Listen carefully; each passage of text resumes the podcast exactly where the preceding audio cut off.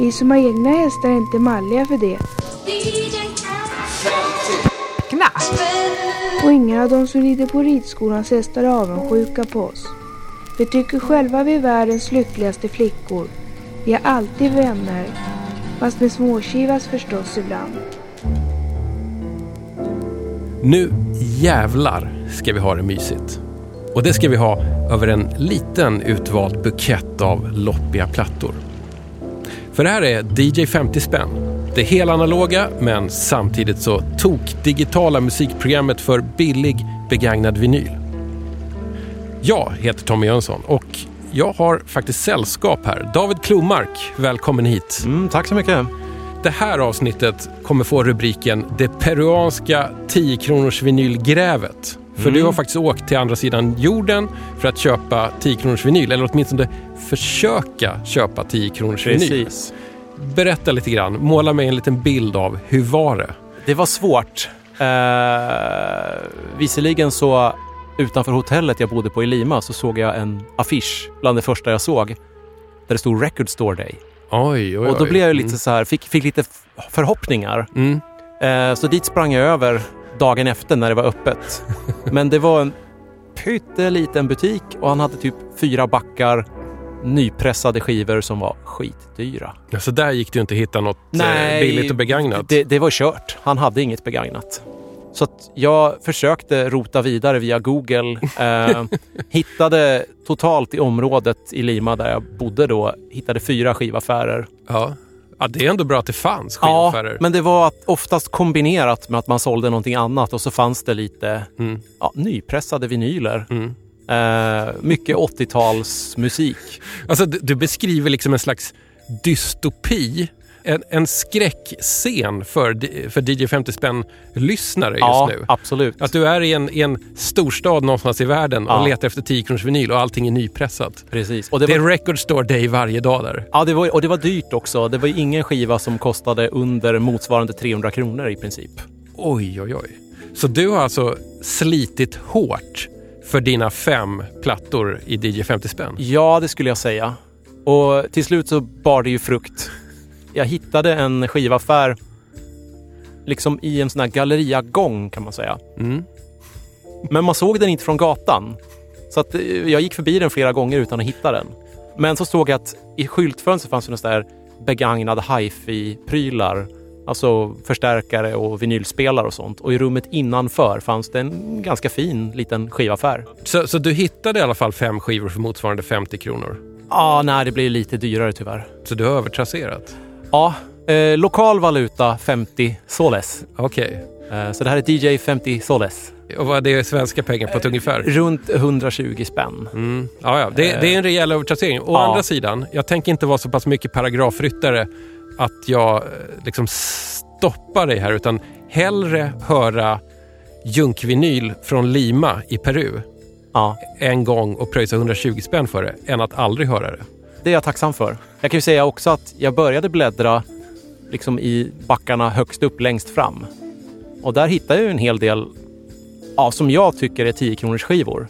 Men de kostade ju enorma summor för oss eh, som brukar Mm. leta efter. Så att jag hittade ju Abbas, heter den Arrival?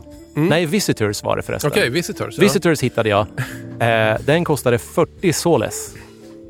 Och Så- det är ju en bra bit över 100 spänn. Och den kan du hitta varje dag för en tia hemma i Sverige. Ja, ja. Det är kanske en bra påminnelse för oss som går omkring här i Sverige, knatar in på loppisen, bläddrar lite och gnäller över att det är så jävla svårt att hitta bra skivor för 10 Mm, kronor längre. mm. Ja, ja, vi har åtminstone 10 kronors vinyl i Sverige. Exakt. Okej David, vi, vi kommer snart att eh, spela igenom din hög här, dina uppfiskningar från Lima eh, och vi kommer prata om dem. Eh, ta lite bakgrund om dig först. Du är hälsing. Mm. Du är musiker ibland och DJ ibland har jag fattat. Ja, Du jobbar inom livsmedelsindustrin, men anledningen till att du är här, det är att du är en sån här riktigt ihärdig och entusiastisk 10 kronors vinylgrävare. Ja, det skriver jag absolut under på. Du är ju faktiskt en av dem som till och med kan larma mig om att så här, det är skivbörsryssar i stan. Ja, det, stäm, det stämmer faktiskt. Vi, vi, Eh, alltså, vi är ungefär som fågelskådare. Mm, alltså att vi, mm. vi, vi håller koll på när det kommer en skåpbil från Ryssland där, och det kom, kommer ut gubbar med medhavda backar och lassar på, vad är det de lassar på? Rod Stewart och liksom allt möjligt. ja, Allt engelskspråkigt eh, pop 80-tal, det, det rycker de snabbt. Vad säger du, ska vi rulla igång dagens första kategori? Ja, släng på första skivan så ska du få höra något spännande. Hola, ¿cómo estás? Perdón, no te había reconocido. Hace tanto que no nos vemos. Sí, hace casi un año. ¿Y qué hiciste todo este tiempo? ¿Yo? Yo nada en especial. ¿Y tú? Y muchas cosas. Lo de siempre. Lo de siempre. Sí, pero... Pero si tú... Nostalgiköpet. Si tú supieras desde cuándo con tu cariño estoy soñando. Si solo vieras que es amor lo que en lo más profundo estoy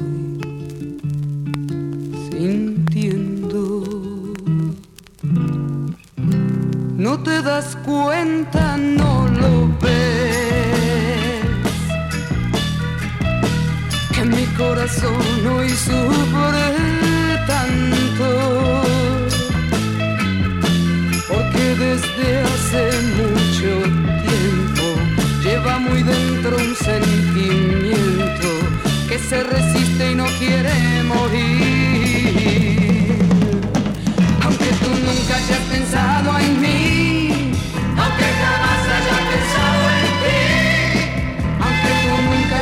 sideways.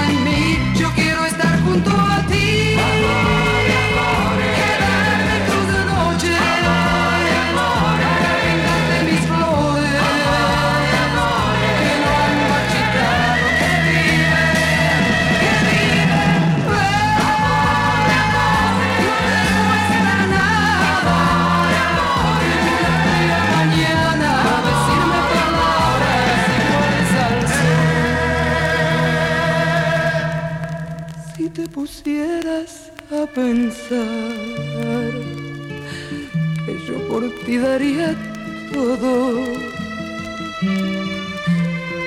inventarías cosas nuevas bajo una luna de primavera amor mío. Si me pidieras este amor, lo daría sin pensarlo. Si aparecieras como el viento, me harías feliz en un momento. Hasta que lo decidas me tendrás. Aunque tú nunca hayas pensado en mí,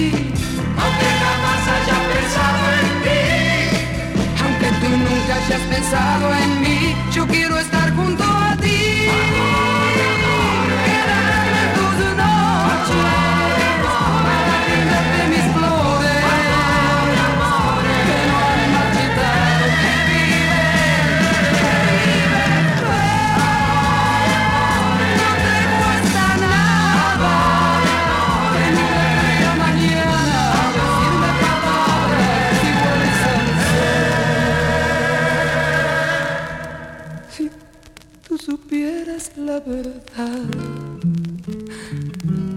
Si tú supieras que este amor.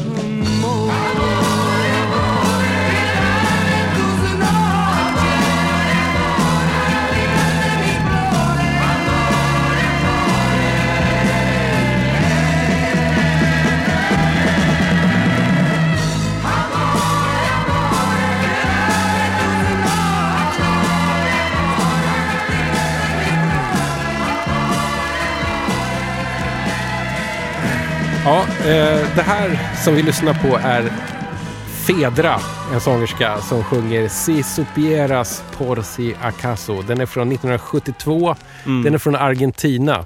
Mm. Det är ungefär det vi vet. Vad, vad känner du här Nej, för ditt det är nostalgiköp? Det är mitt nostalgiköp och jag tänker så att alla har väl minnen till det här. Eller? Beskriv dina minnen till det här. Ja, man får ju gåshud. Nej, Ja. alltså här har vi ju en sån här eh, lång historia, en klassiker kan man väl säga, när man har plockat på sig en skiva lite för snabbt. Och ja, omslaget och allt det där, man vill ha det här med sig och så kommer man hem och så är det fel skiva i omslaget. Ah, okej.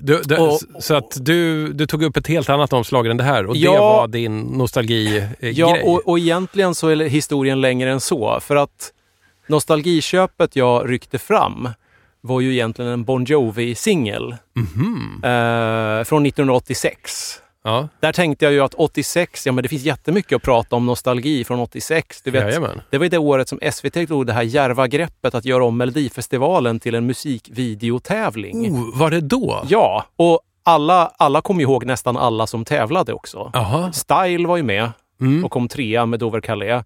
Eh, Anna Bok var med, Ja. ABC och Ja. Dan Tillberg med ABCD. Var det här också året med Pernilla Wahlgrens Piccadilly Circus? Eller var det året innan? Nej, den var väl inte video på den tror jag. Nej, det var det inte förresten. mig. Nej, det var ett dansnummer. Eh, däremot Baden-Baden eh, finns en klassiker. Det var ju Lennart Swahn som var programledare och han säger hej Baden-Baden när de kommer in i studion efter videon och de svarar hej Lennart Lennart. Ja, så du ser mi- mina nostalgiminnen runt Ja, ja. 86, de är rätt många. Okej, men den sitter inpräntad där. Ja. Ja. men nu var det inte det vi skulle prata om, utan varför köpte jag inte Bon Jovi-singeln? ja, varför Jo, köpte du inte Bon För Jovi-singeln? när jag kommer till kassan så börjar hon som står där bläddra bland mina skivor och så helt plötsligt säger hon att nej, den här är, den här är dyrare. Det är dubbla priset på den. Hon pekar på labeln på själva skivan att, och säger americano. Och Den är alltså Mhm. USA-pressad. Ja, ja. Och, Och då, då är blir det- dyrare. Då är det dubbla priset. Så jag säger till henne lite snyggt att jag vill byta den och hon ska stänga snart. Så jag kastar mig över den här eh, sunkiga skivhögen på golvet igen. Hittar ett omslag med Frank Sinatra eh, som andas jättemycket nostalgi och tänker att ja, men vi får prata om det och istället så kan vi nämna den här historien. ja, Och så ja, ja. är det ju inte Frank Sinatra i omslaget. Nej. Men Så därför lyssnar vi på Fedra. jag blev ändå lite glad. Jag tyckte att den här låten började så snyggt. Ja, hörde hörde du börjar- att det var baklänges Ja. hi-hats i början och lite filmdialog? Och sen är ju versen och sticket in mot refräng bygger upp någonting och sen tycker jag att det bara rasar och blir dåligt i refrängen. Ja. Eh, så att eh, det blir något fel. Ja. Men, men eh, ja, det, sen kanske det är bra att jag har med mig fler spanskspråkiga skivor när jag varit i ett spansktalande land. Ja. Så att det kanske är roligare för det här programmet att lyssna på en spansk eller eh, peruansk singel än att lyssna på Bon Jovi. Den här är ju faktiskt till och med argentinsk. eh, Jaha, okej. Har jag fattat. Eller i alla fall Fedra är en argentinsk Ja, ja, det visste jag sångerska. inte. Låten är dock en förspanskning. Oh. Eh, Den är, alltså- den är italiensk från början av Claudio Baglioni Aha. Och den är också skriven tillsammans med någon som heter Koggio i efternamn som inte jag har superkoll på. Men jag såg på Nej. Youtube att det är väldigt många latinamerikanska sångerskor Ja. som har spelat in den här och väldigt många av dem som jag hann lyssna på på Youtube Ja. börjar med filmdialog så det verkar liksom höra till den här låten. Det är spännande. Men, men det också förklarar ju lite varför jag känner att det här är Eurovision 1976. Det låter som det, eller hur? Eh, när du säger att det är italienskt. Ja. Så att vi går från mina nostalgiska minnen från 86 till 76 istället. Ja, just det. Precis. Jag blir lite glad när jag hör sånt här och jag kan känna mig nästan lite rörd för att jag tänker att det fanns väldigt mycket musik, någon slags popmusik eller schlagermusik från, som, som gjordes i, i det liksom utanför det anglosaxiska Mm, kulturimperiet Ja. på 70-talet som lät exakt så, så här. Ja. Eh, och då och då kunde en sån låt liksom krypa under radarn och bli hits i eh, länder som, som annars hade en väldigt anglofierad popkultur. Precis. Jag tänker i Sverige så blev ju en sån här Eurovision-låt från Spanien blev en jättehit. Mocedades, eh, Eres tu, eh, finns ju i många Ah, svenska mm, insjungningar till exempel. Den, den kommer från 73. Eres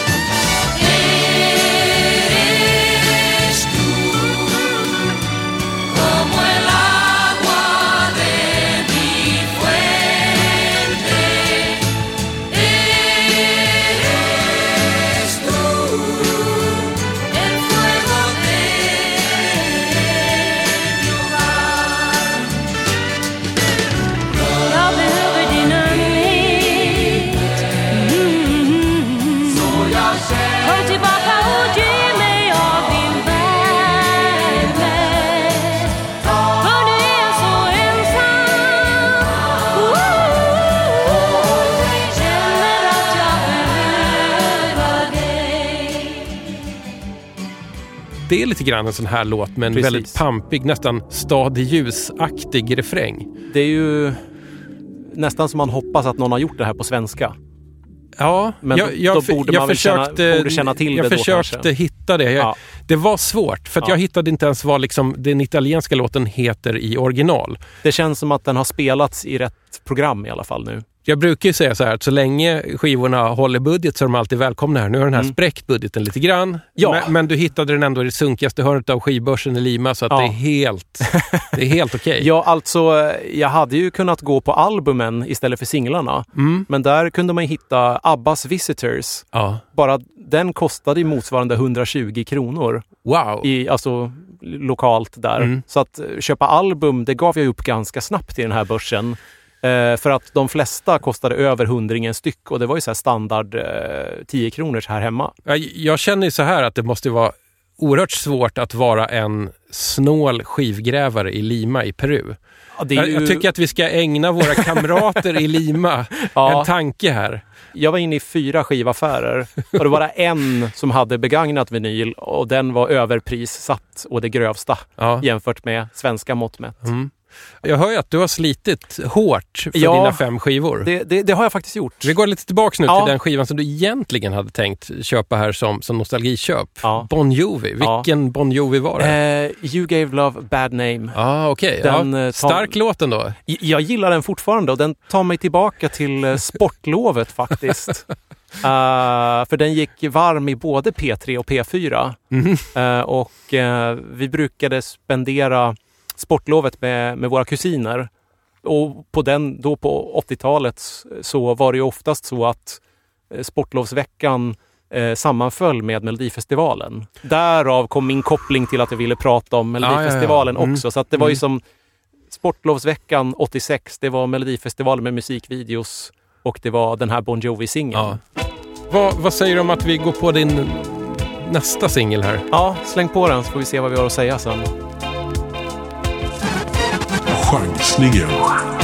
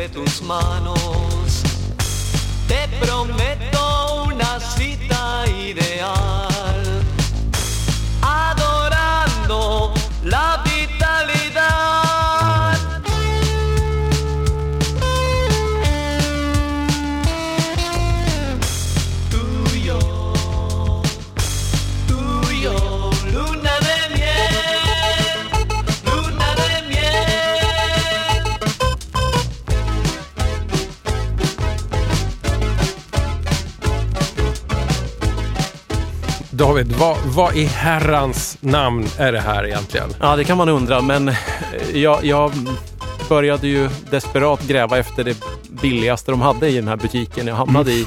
Eh, på golvet hittade jag en hög med 7-tums-singlar eh, och ganska dåligt skick på allting, mycket trasiga omslag och sådär. Men mitt i alltihopa så ser jag en gul label och så står det bara Techno Lima i stora bokstäver.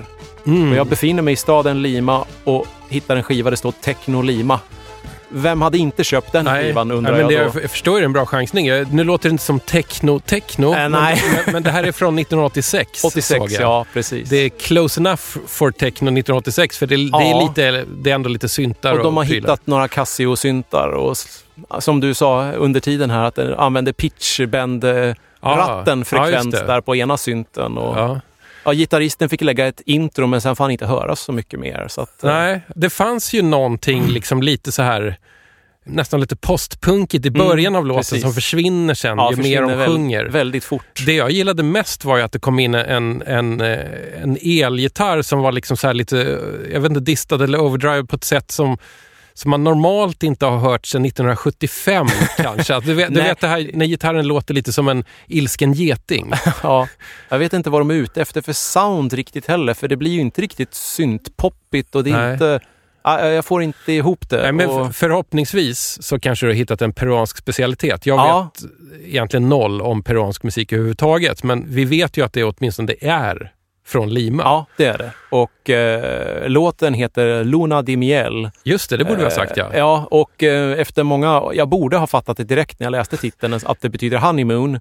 Just det. Eh, för mie- miel vet jag ju att det betyder honung på flera språk och Luna vet man ju att det betyder måne på spanska. Men Ja. det tog mig ganska lång tid att koppla ihop orden ja. till att Mm. det skulle vara en, en... Det handlar om en honeymoon på något vis. Då. Ja.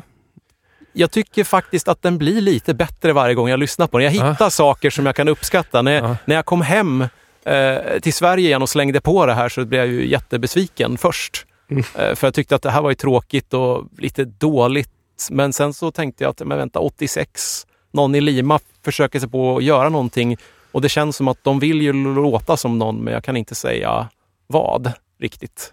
Det är någonting i början som får mig att tänka att det här låter liksom nästan lite så här generiskt. Om du förstår vad jag menar. Lite så här Ja. som man gör musik till en tv-serie. Och sen är det så här att det var väldigt, väldigt svårt att googla fram någon som helst information om Techno Lima. Har, har du hittat någonting? Nej, jag har hittat den här låten och två andra låtar på Youtube. Mm. Och så finns det ju, den finns ju på Discogs, Ja. den här singeln. Ja. Och den är ganska dyr men den har aldrig sålts. Så att, eh, det är ju ingen kioskvältare. Nej. Så, så vi Eh. vet egentligen inte ens om den är dyr. Nej, precis. Och, och sen känns det som att det här bandet var ute och trevade lite. För B-sidan på den här singeln, det låter ju som att de försöker låta som Creedence. Mm. Vet du vad? Det finns en liten kort text skriven på dålig engelska på uh, Discogs-sidan. Okej? Eh, jag försökte läsa den och försökte pussla ihop information man får där för att det är uppenbarligen skrivet av någon som egentligen inte behärskar engelska så bra. Och då, Nej, då står det lite grann om att det här skivbolaget, MAG, som gav ut den här, Mm. ett lokalt bolag i Lima, eh, satte ihop lite olika musiker från olika band från Lima och sa att nu får ni spela in lite grejer här. Eh, och de spelade aldrig live, står det. De gav ut, inte jättemycket, men det blev några singlar och sådär. Ja. Och sen står det någonting om att det här kanske var musik som man gjorde för att det skulle påminna om annan internationell pop och rock. Men som man kunde sälja liksom till eh, peruanska platser utanför storstäderna där kanske inte så Aha. mycket internationell pop och rock såldes. Och då kanske man var ute efter att det skulle låta som någonting annat. Ja.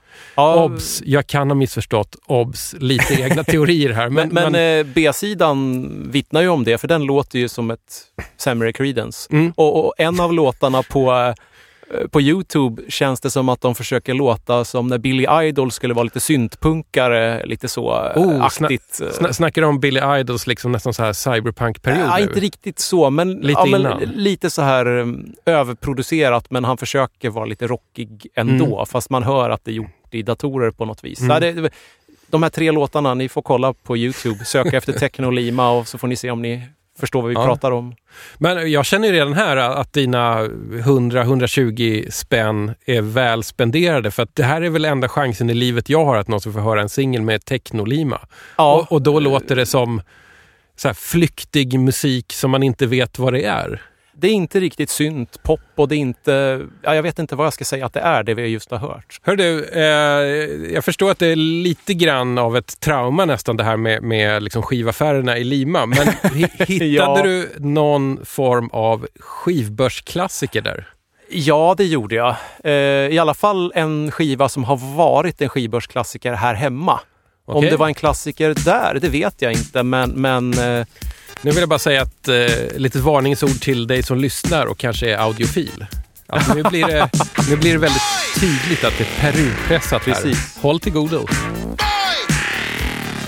Skivbörsklassikern.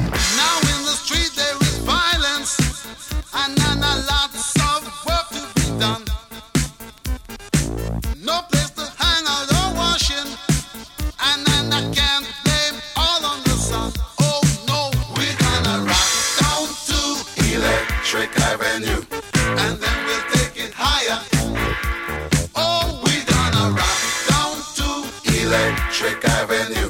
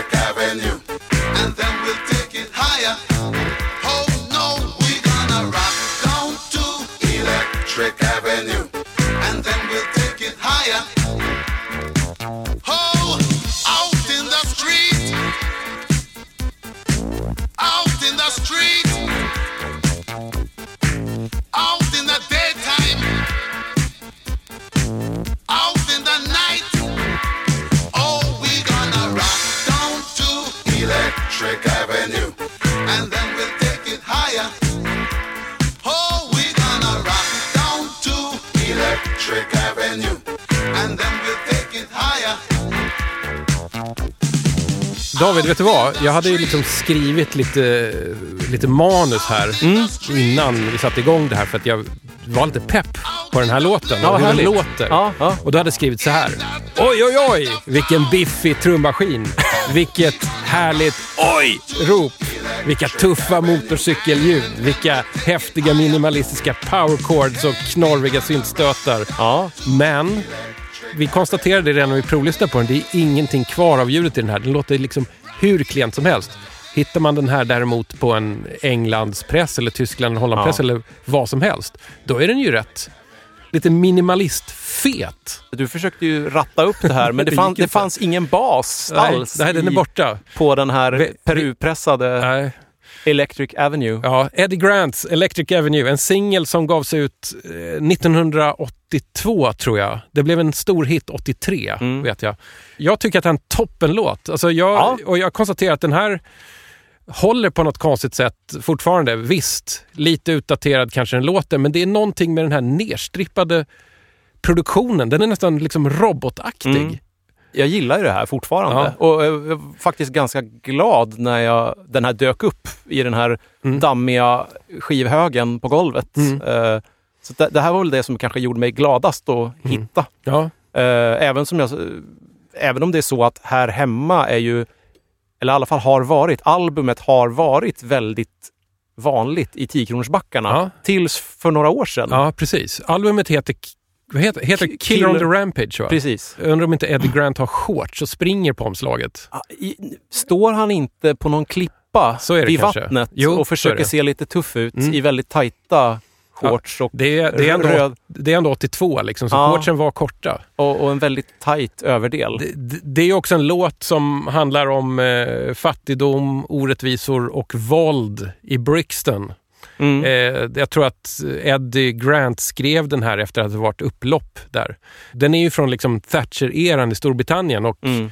Men för att vara en sån liksom lite så här protestlåt eller vad man ska kalla det så är den ju rätt så peppig och Ja, catchy på något sjukt sätt. peppig. Men sen han är ju inte britt egentligen från början heller. Nej. Och jag fick för mig att han står som en reggae-pop-artist. Mm, Så jag fick mm. för mig att han hade jamaicansk koppling. Mm. Men så var det inte alls.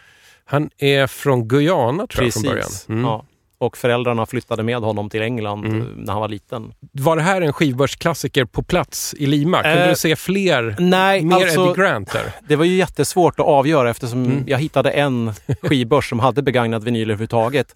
I den här högen med singelskivor, den enda skivan jag hittade två ex utav, Ja. det var Michael Jacksons Bad. Mm. Men de två var utan omslag och liksom, det såg ut som att någon hade lagt dem på golvet Mm. och, och skrapat dem mot en grusig eh, yta. Eller så. Äh, Det var totalt sönderrepade. Så Mm. det, det är möjligt att det hade varit mer en skivbörsklassiker Mm. där. Mm. Men jag kände att i och med att albumet på den här med, med Eddie Grant är så pass vanligt här hemma så känns det som att jag, jag går på vad jag, vad jag har sett här och då fick det bli Eddie Grant. Hur känner du för Eddie Grants eh, musikaliska livsgärning annars? Jag har väldigt dålig koll på honom. Det är ju, det är ju den här låten också. Jag har ju albumet, men det är ju inte Mm. någonting jag lyssnar på varje dag. Jag undrar om inte han är mest känd för en låt som kom senare på 80-talet, den här Give Me Hope Joanna.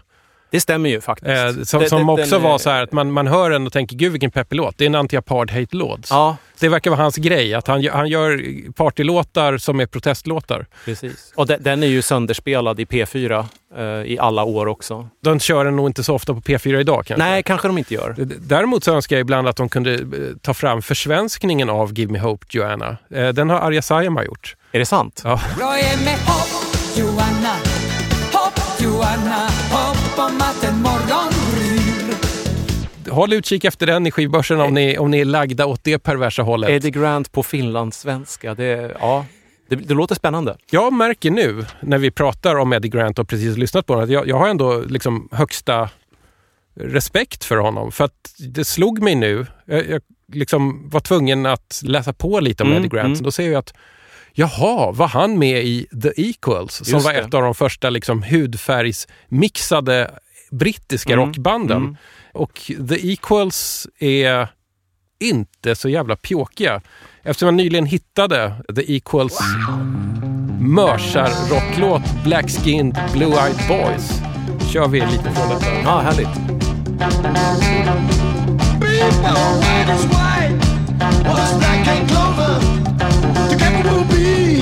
When the war is over. You see the black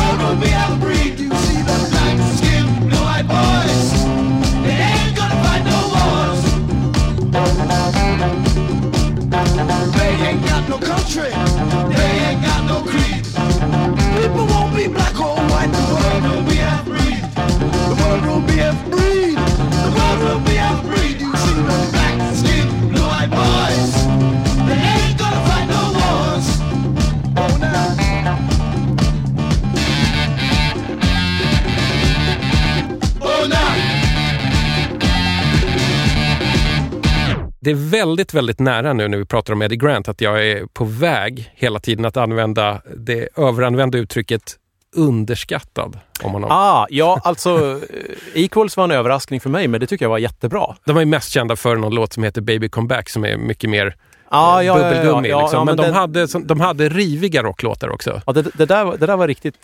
Jag gillar när basen och gitarren spelar samma sak.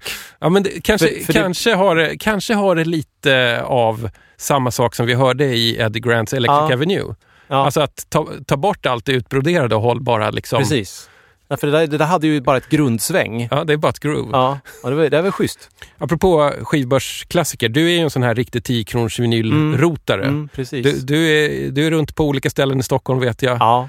Och, och, och bläddrar och bläddrar och bläddrar. Ja. Har, har du några så personliga favoriter i liksom den svenska så här skivbörs och loppisklassiker-kategorin? ja, alltså eh, hade du skickat ut mig här i krokarna Ja. istället för att skicka mig till Peru så hade jag ju... eh, något som jag att ingen av dina andra gäster har plockat upp. Ja. Som finns överallt. Mm. och som jag hade kunnat spela som både skivbörsklassiker och, och eh, nostalgiköp och fynd nästan. Mm. Eh, det är ju Björn Skifs Out of the Blue.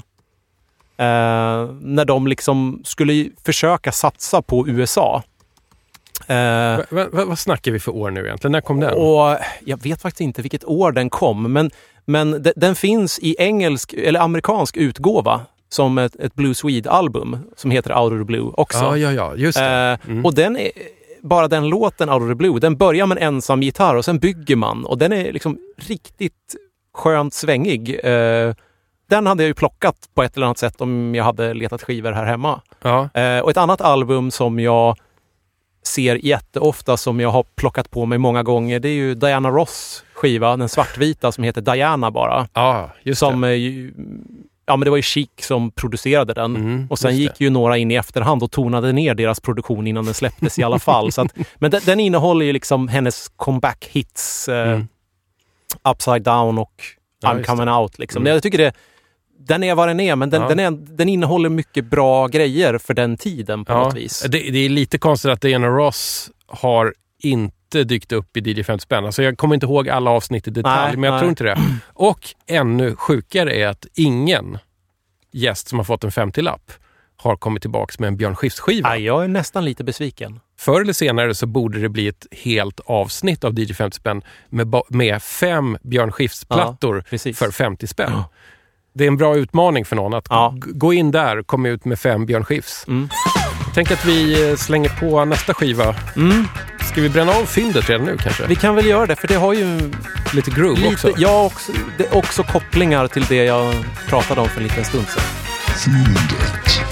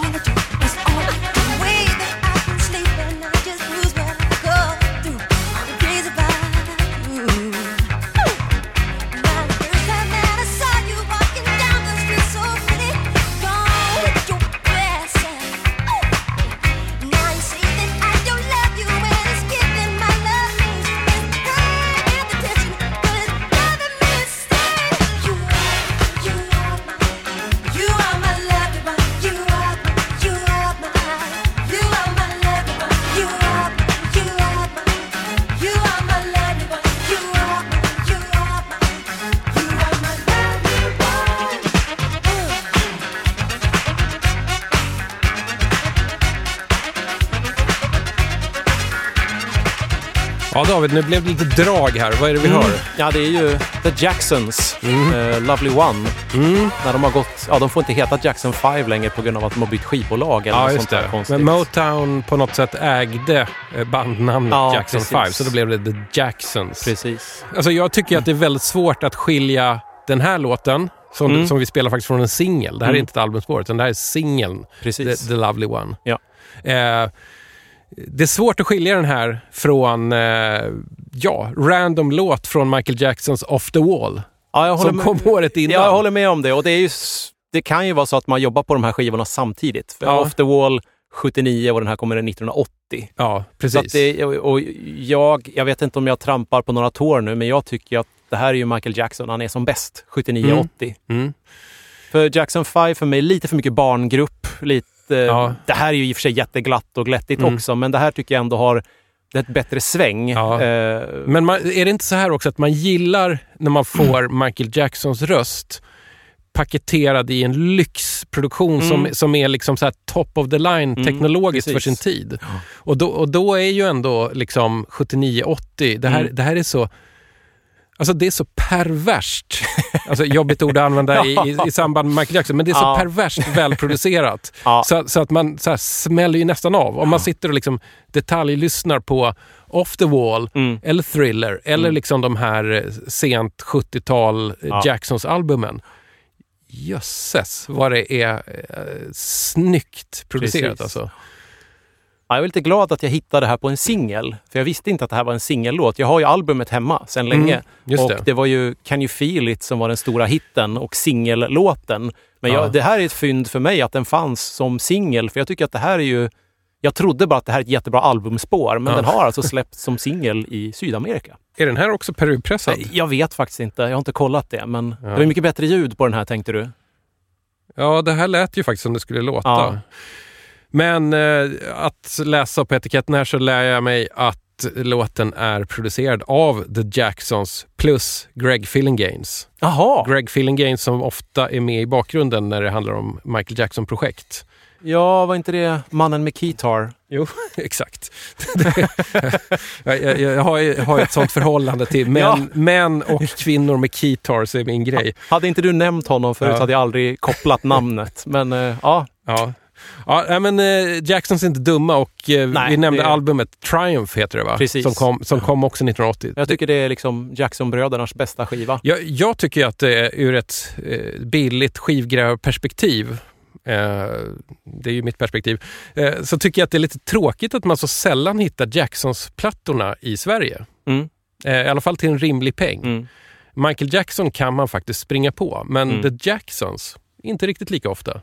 Nej, det är ju möjligtvis någon sen platta från 80-talet som Ja. har tappat i värde och den är inte alls lika bra heller. Är, är det den med mer- State of Shock? Ja, det är möjligt. Eh, Den, det, blir mycket mer syntigt.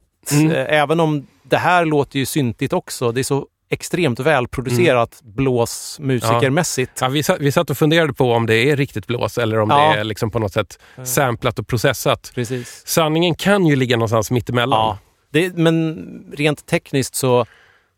Vi har pratat om nedstrippade låtar, att det är väldigt Mm. lite musik på Eddie Grant. Här är det ju extremt mycket ja, ja. ja. av här allt. här häller de på allt de kan. Ja, men ändå är det lättlyssnat. Det har ändå en sån otrolig lätthet. Ja. Alltså så här, det, det är liksom... Det låter, inte som att, det låter inte som att de har ansträngt sig. Nej, och, och det jag gillar med sån här musik det är att det kan ligga en väldigt enkel gitarrslinga som någon får spela om och om igen, som bara ligger där. Men om man hör den så hör man att det är det som gör att låten lyfter lite Ja. grann. Det är det man kan hitta om man lyssnar på Mm. musik med sväng eller vad man nu ska kalla det. Om man går Mm. in i soul eller funk så kan man hitta att det här bandet hade tre gitarrister och en gitarrist, han fick liksom spela det där små korta slinggrejor, små korta melodisnuttar. Mm. Och du tänker inte på det förrän du hör att det är där. Och Nej. så är det liksom det som gör att låten blir jättebra. Ja, men ett fynd tycker jag. Eh, och sen, jag vet vad alla som lyssnar på det här tänker nu. För att så fort man säger Michael Jackson nu så tänker man på eh, annat än liksom den rätt fantastiska popmusiken som han gjorde. Mm. Eh, vi spelar Michael Jackson här i DJ 5 spänn oavsett eftersom det här är ett skivarkeologiskt program och då hittar man ibland Michael Jackson eller The Jacksons. Det är någonting eh, jobbigt som ibland kommer upp när man plockar upp en gammal eh, platta som är skitbra men artisten har liksom solkats ner med tiden. Mm. Det är så det är. Eh, vi har redan bränt av eh, fyra eh, peruanska skivuppfiskningar här. Ja. Det är bara en kvar nu. Ja. Vi, har sparat, eh, vi har sparat den läskiga kategorin till sist. Det handlar alltså om den som du drar upp i blindo. Ja, den var jag ju lite rädd för. Precis, det här verkar ju inte varit en lättjobbad Nej. skivaffär. What am I gonna do to make you love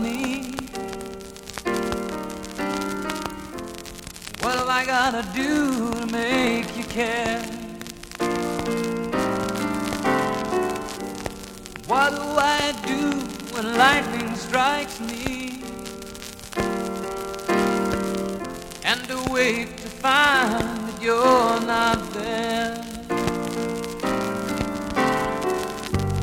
What do I do to make you want me? What have I gotta do to be heard? What do I say when it's all over? Sorry seems to be the hardest word. It's time, so sad with the sad sad situation,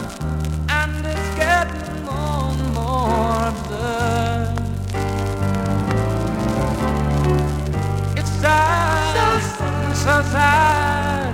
Why can't we talk it over?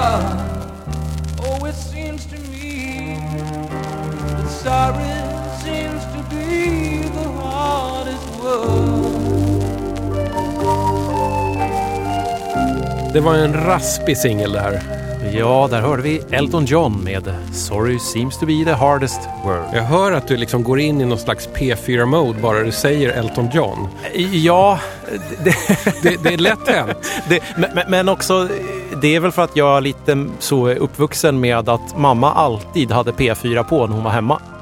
Eh, så att eh, jag hade väl någon slags liten dröm som liten pojke om att jobba på radion. För jag tyckte att det Och få verkade... spela Elton John-låtar. Ja, det- jag tyckte att det verkade jättemysigt att få sitta och prata och spela skivor. Mm. Eh, det, men sen blev det ju inte alls så när jag blev vuxen. Men, men det var liksom så en fyraårings dröm. Du får göra som jag. Du får starta din egen oldies-station och spela Ja. konstiga plattor och prata om dem med folk. Mm, jag, jag För att jag ju- menar, jag, jag jobbar ju ändå med, eh, Ja, med, med radio, men det händer ju inte att jag får göra ett musikprogram för intresset är noll.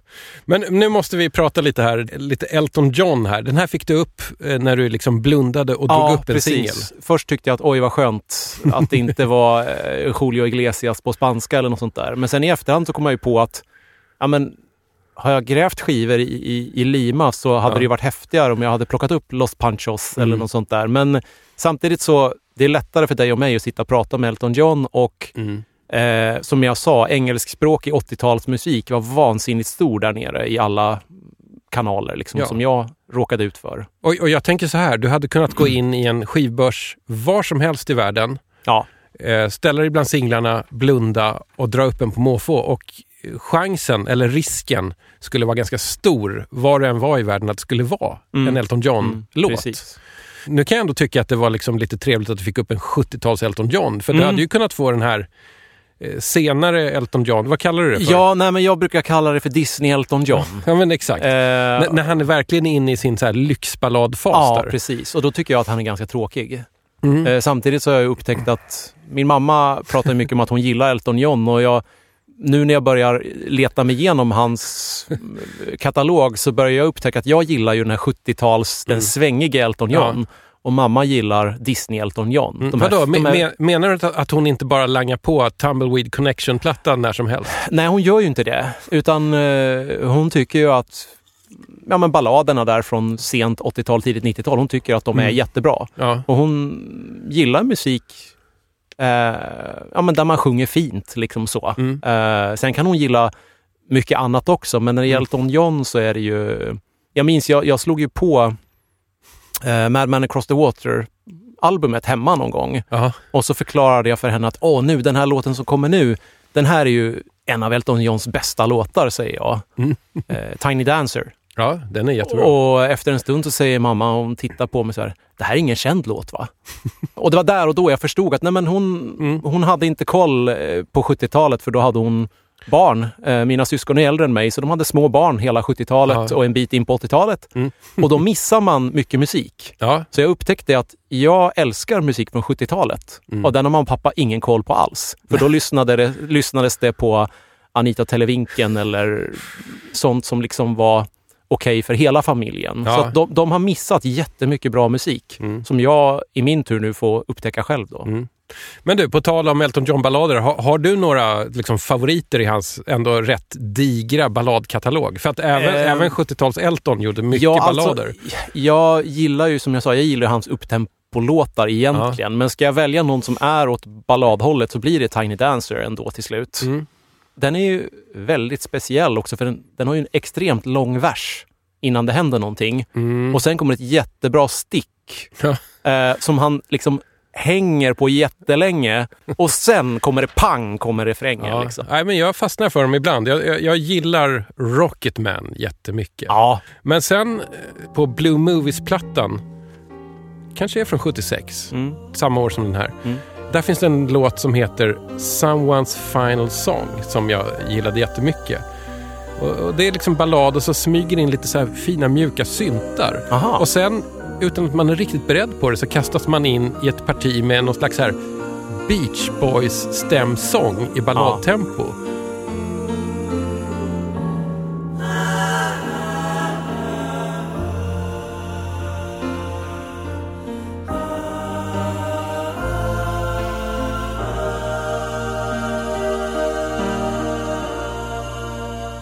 Sen såg jag att Bruce Johnston, alltså den som plockades in i Beach Boys Ja, när Brian inte var riktigt fit for turné. Ja. det är han som har liksom arrat det och är med och sjunger det. Och, det Elton låter Johns- fantastiskt. Ah, ja, ja. Annars är jag nog som du, att jag, jag gillar ju rock-Elton. Precis. Sen kan jag ju säga det då till mammas försvar att hon har lyssnat på annat som jag tycker bättre om. Som eh, en av hennes favoritskivor är ju Simon Garfunkel in Central Park. Liveplattan när de Ja. återförenas och den tycker ju både mamma och jag lyssnar på den ofta tycker den är helt fantastisk. Men det är också att de backas upp av ett stort band så att det blir det blir häftigt på något vis. Så, att det, så hon har väl lite bredare musiksmak än pappa som är lite mer easy listening. Ja. Han har nog eh, norra Sveriges största Herb Albert-samling. Det hedrar honom. Jag skulle säga att en tredjedel av alla hans skivor är Herb Albert. Men det, det är roligt att det kom in på ämnet eh, mammor Ja. när, när vi spelade en Elton John-låt. För det hände faktiskt senast Elton John dök upp i DJ 50 spänn. Då var det sant? Ametista Sordigan. Ja. Hon hade med sig Nikita på 12. Oh, på, på, aha. Det, Och då började vi snacka om hennes mammas kärlek till Elton John. ja, men det var lite kul. Men Nu låter det här påhittat, men eh, eh, när jag fick eget rum när jag var i fyra femårsåldern eh, så eh, jag vet inte hur jag kom över den, men en, en eh, liten bandspelare Mm. lyckades jag få in i mitt rum som man kunde spela in på. Och Jag fick lära mig av min stora syster hur man spelar in låtar från radion. Och en av de första låtarna jag spelar in är Nikita med Elton John. För det har jag hittat på ett sådär gammalt blandband som mamma tänkte slänga nu när hon rensar ut grejer från oss barn som har flyttat hemifrån för alldeles för länge sedan men har grejer kvar hemma. Hör du David, det finns en, en obesvarad fråga i det här programmet. Oj, ja. Vad var det för fabriker du skulle kolla på nere i Peru? Äh, ja, Det är liksom, jag har suttit och klurat på det ett tag och tänkt jag kan inte, jag kan inte liksom vandra bort från ämnet Nej. musik här. Men nu, det var ju alltså eh, förädling av jordbruksprodukter jag skulle titta på. ja, Så att i det här fallet så var vi först ute hos bönder som odlade quinoa. Jag jobbade i ett projekt där man skulle försöka hitta eh, pålitliga leverantörer eh, från eh, Peru då som kunde leverera, direkt leverera quinoa till Sverige. mhm. Så mitt uppdrag var liksom att utvärdera x antal fabriker och se liksom, finns det någon som vi med svenska mått mätt kan eh, ja. lita på och jobba med eh, och uppfyller den våra krav, uppfyller den EU-krav kan Mm. vi direkt importera produkter härifrån. Det var skönt att få svar på den frågan. Nu är det så här, eh, David, att Ja. eh, du vet mycket väl om det här att det slutar alltid på ett tyskt tema. Ja, och det känns ju helt okej för det fanns en del James Last bredvid pappas Herb Alpert-skivor. Ah. Jag, jag tänkte att vi skojar till det lite nu med att du får en avslutningslåt som också har liksom lite karibisk touch. Åh, vad härligt.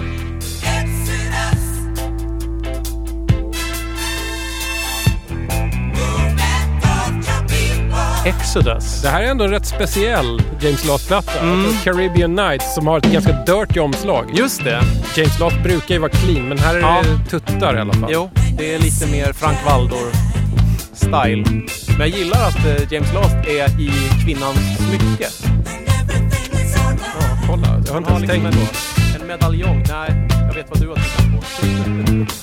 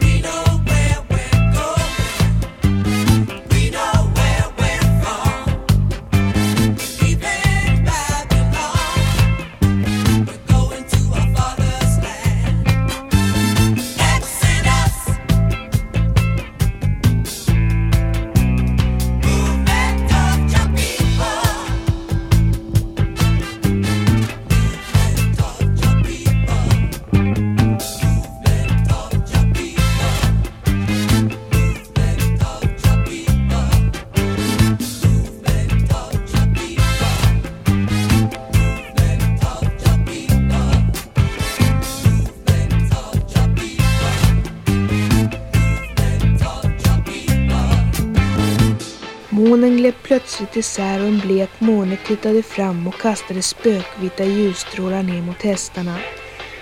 Våra hästar sprang i en ring och den svarta hästen blixtrade till en sekund i månljuset, gnäggade högt och försvann in i mörkret.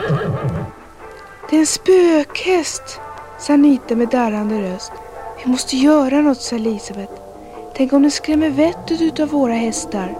Min rädsla började blandas med förtvivlan. Hur får man bort en spökhäst? frågade jag. Ingen svarade. Vi stod tysta en lång stund innan Marianne sa att klockan nästan var tio och att vi måste gå hem.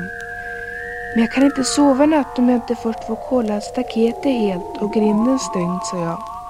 Vi går runt hagen, sa Elisabeth och bleka om nosen tassade vi det efter staketet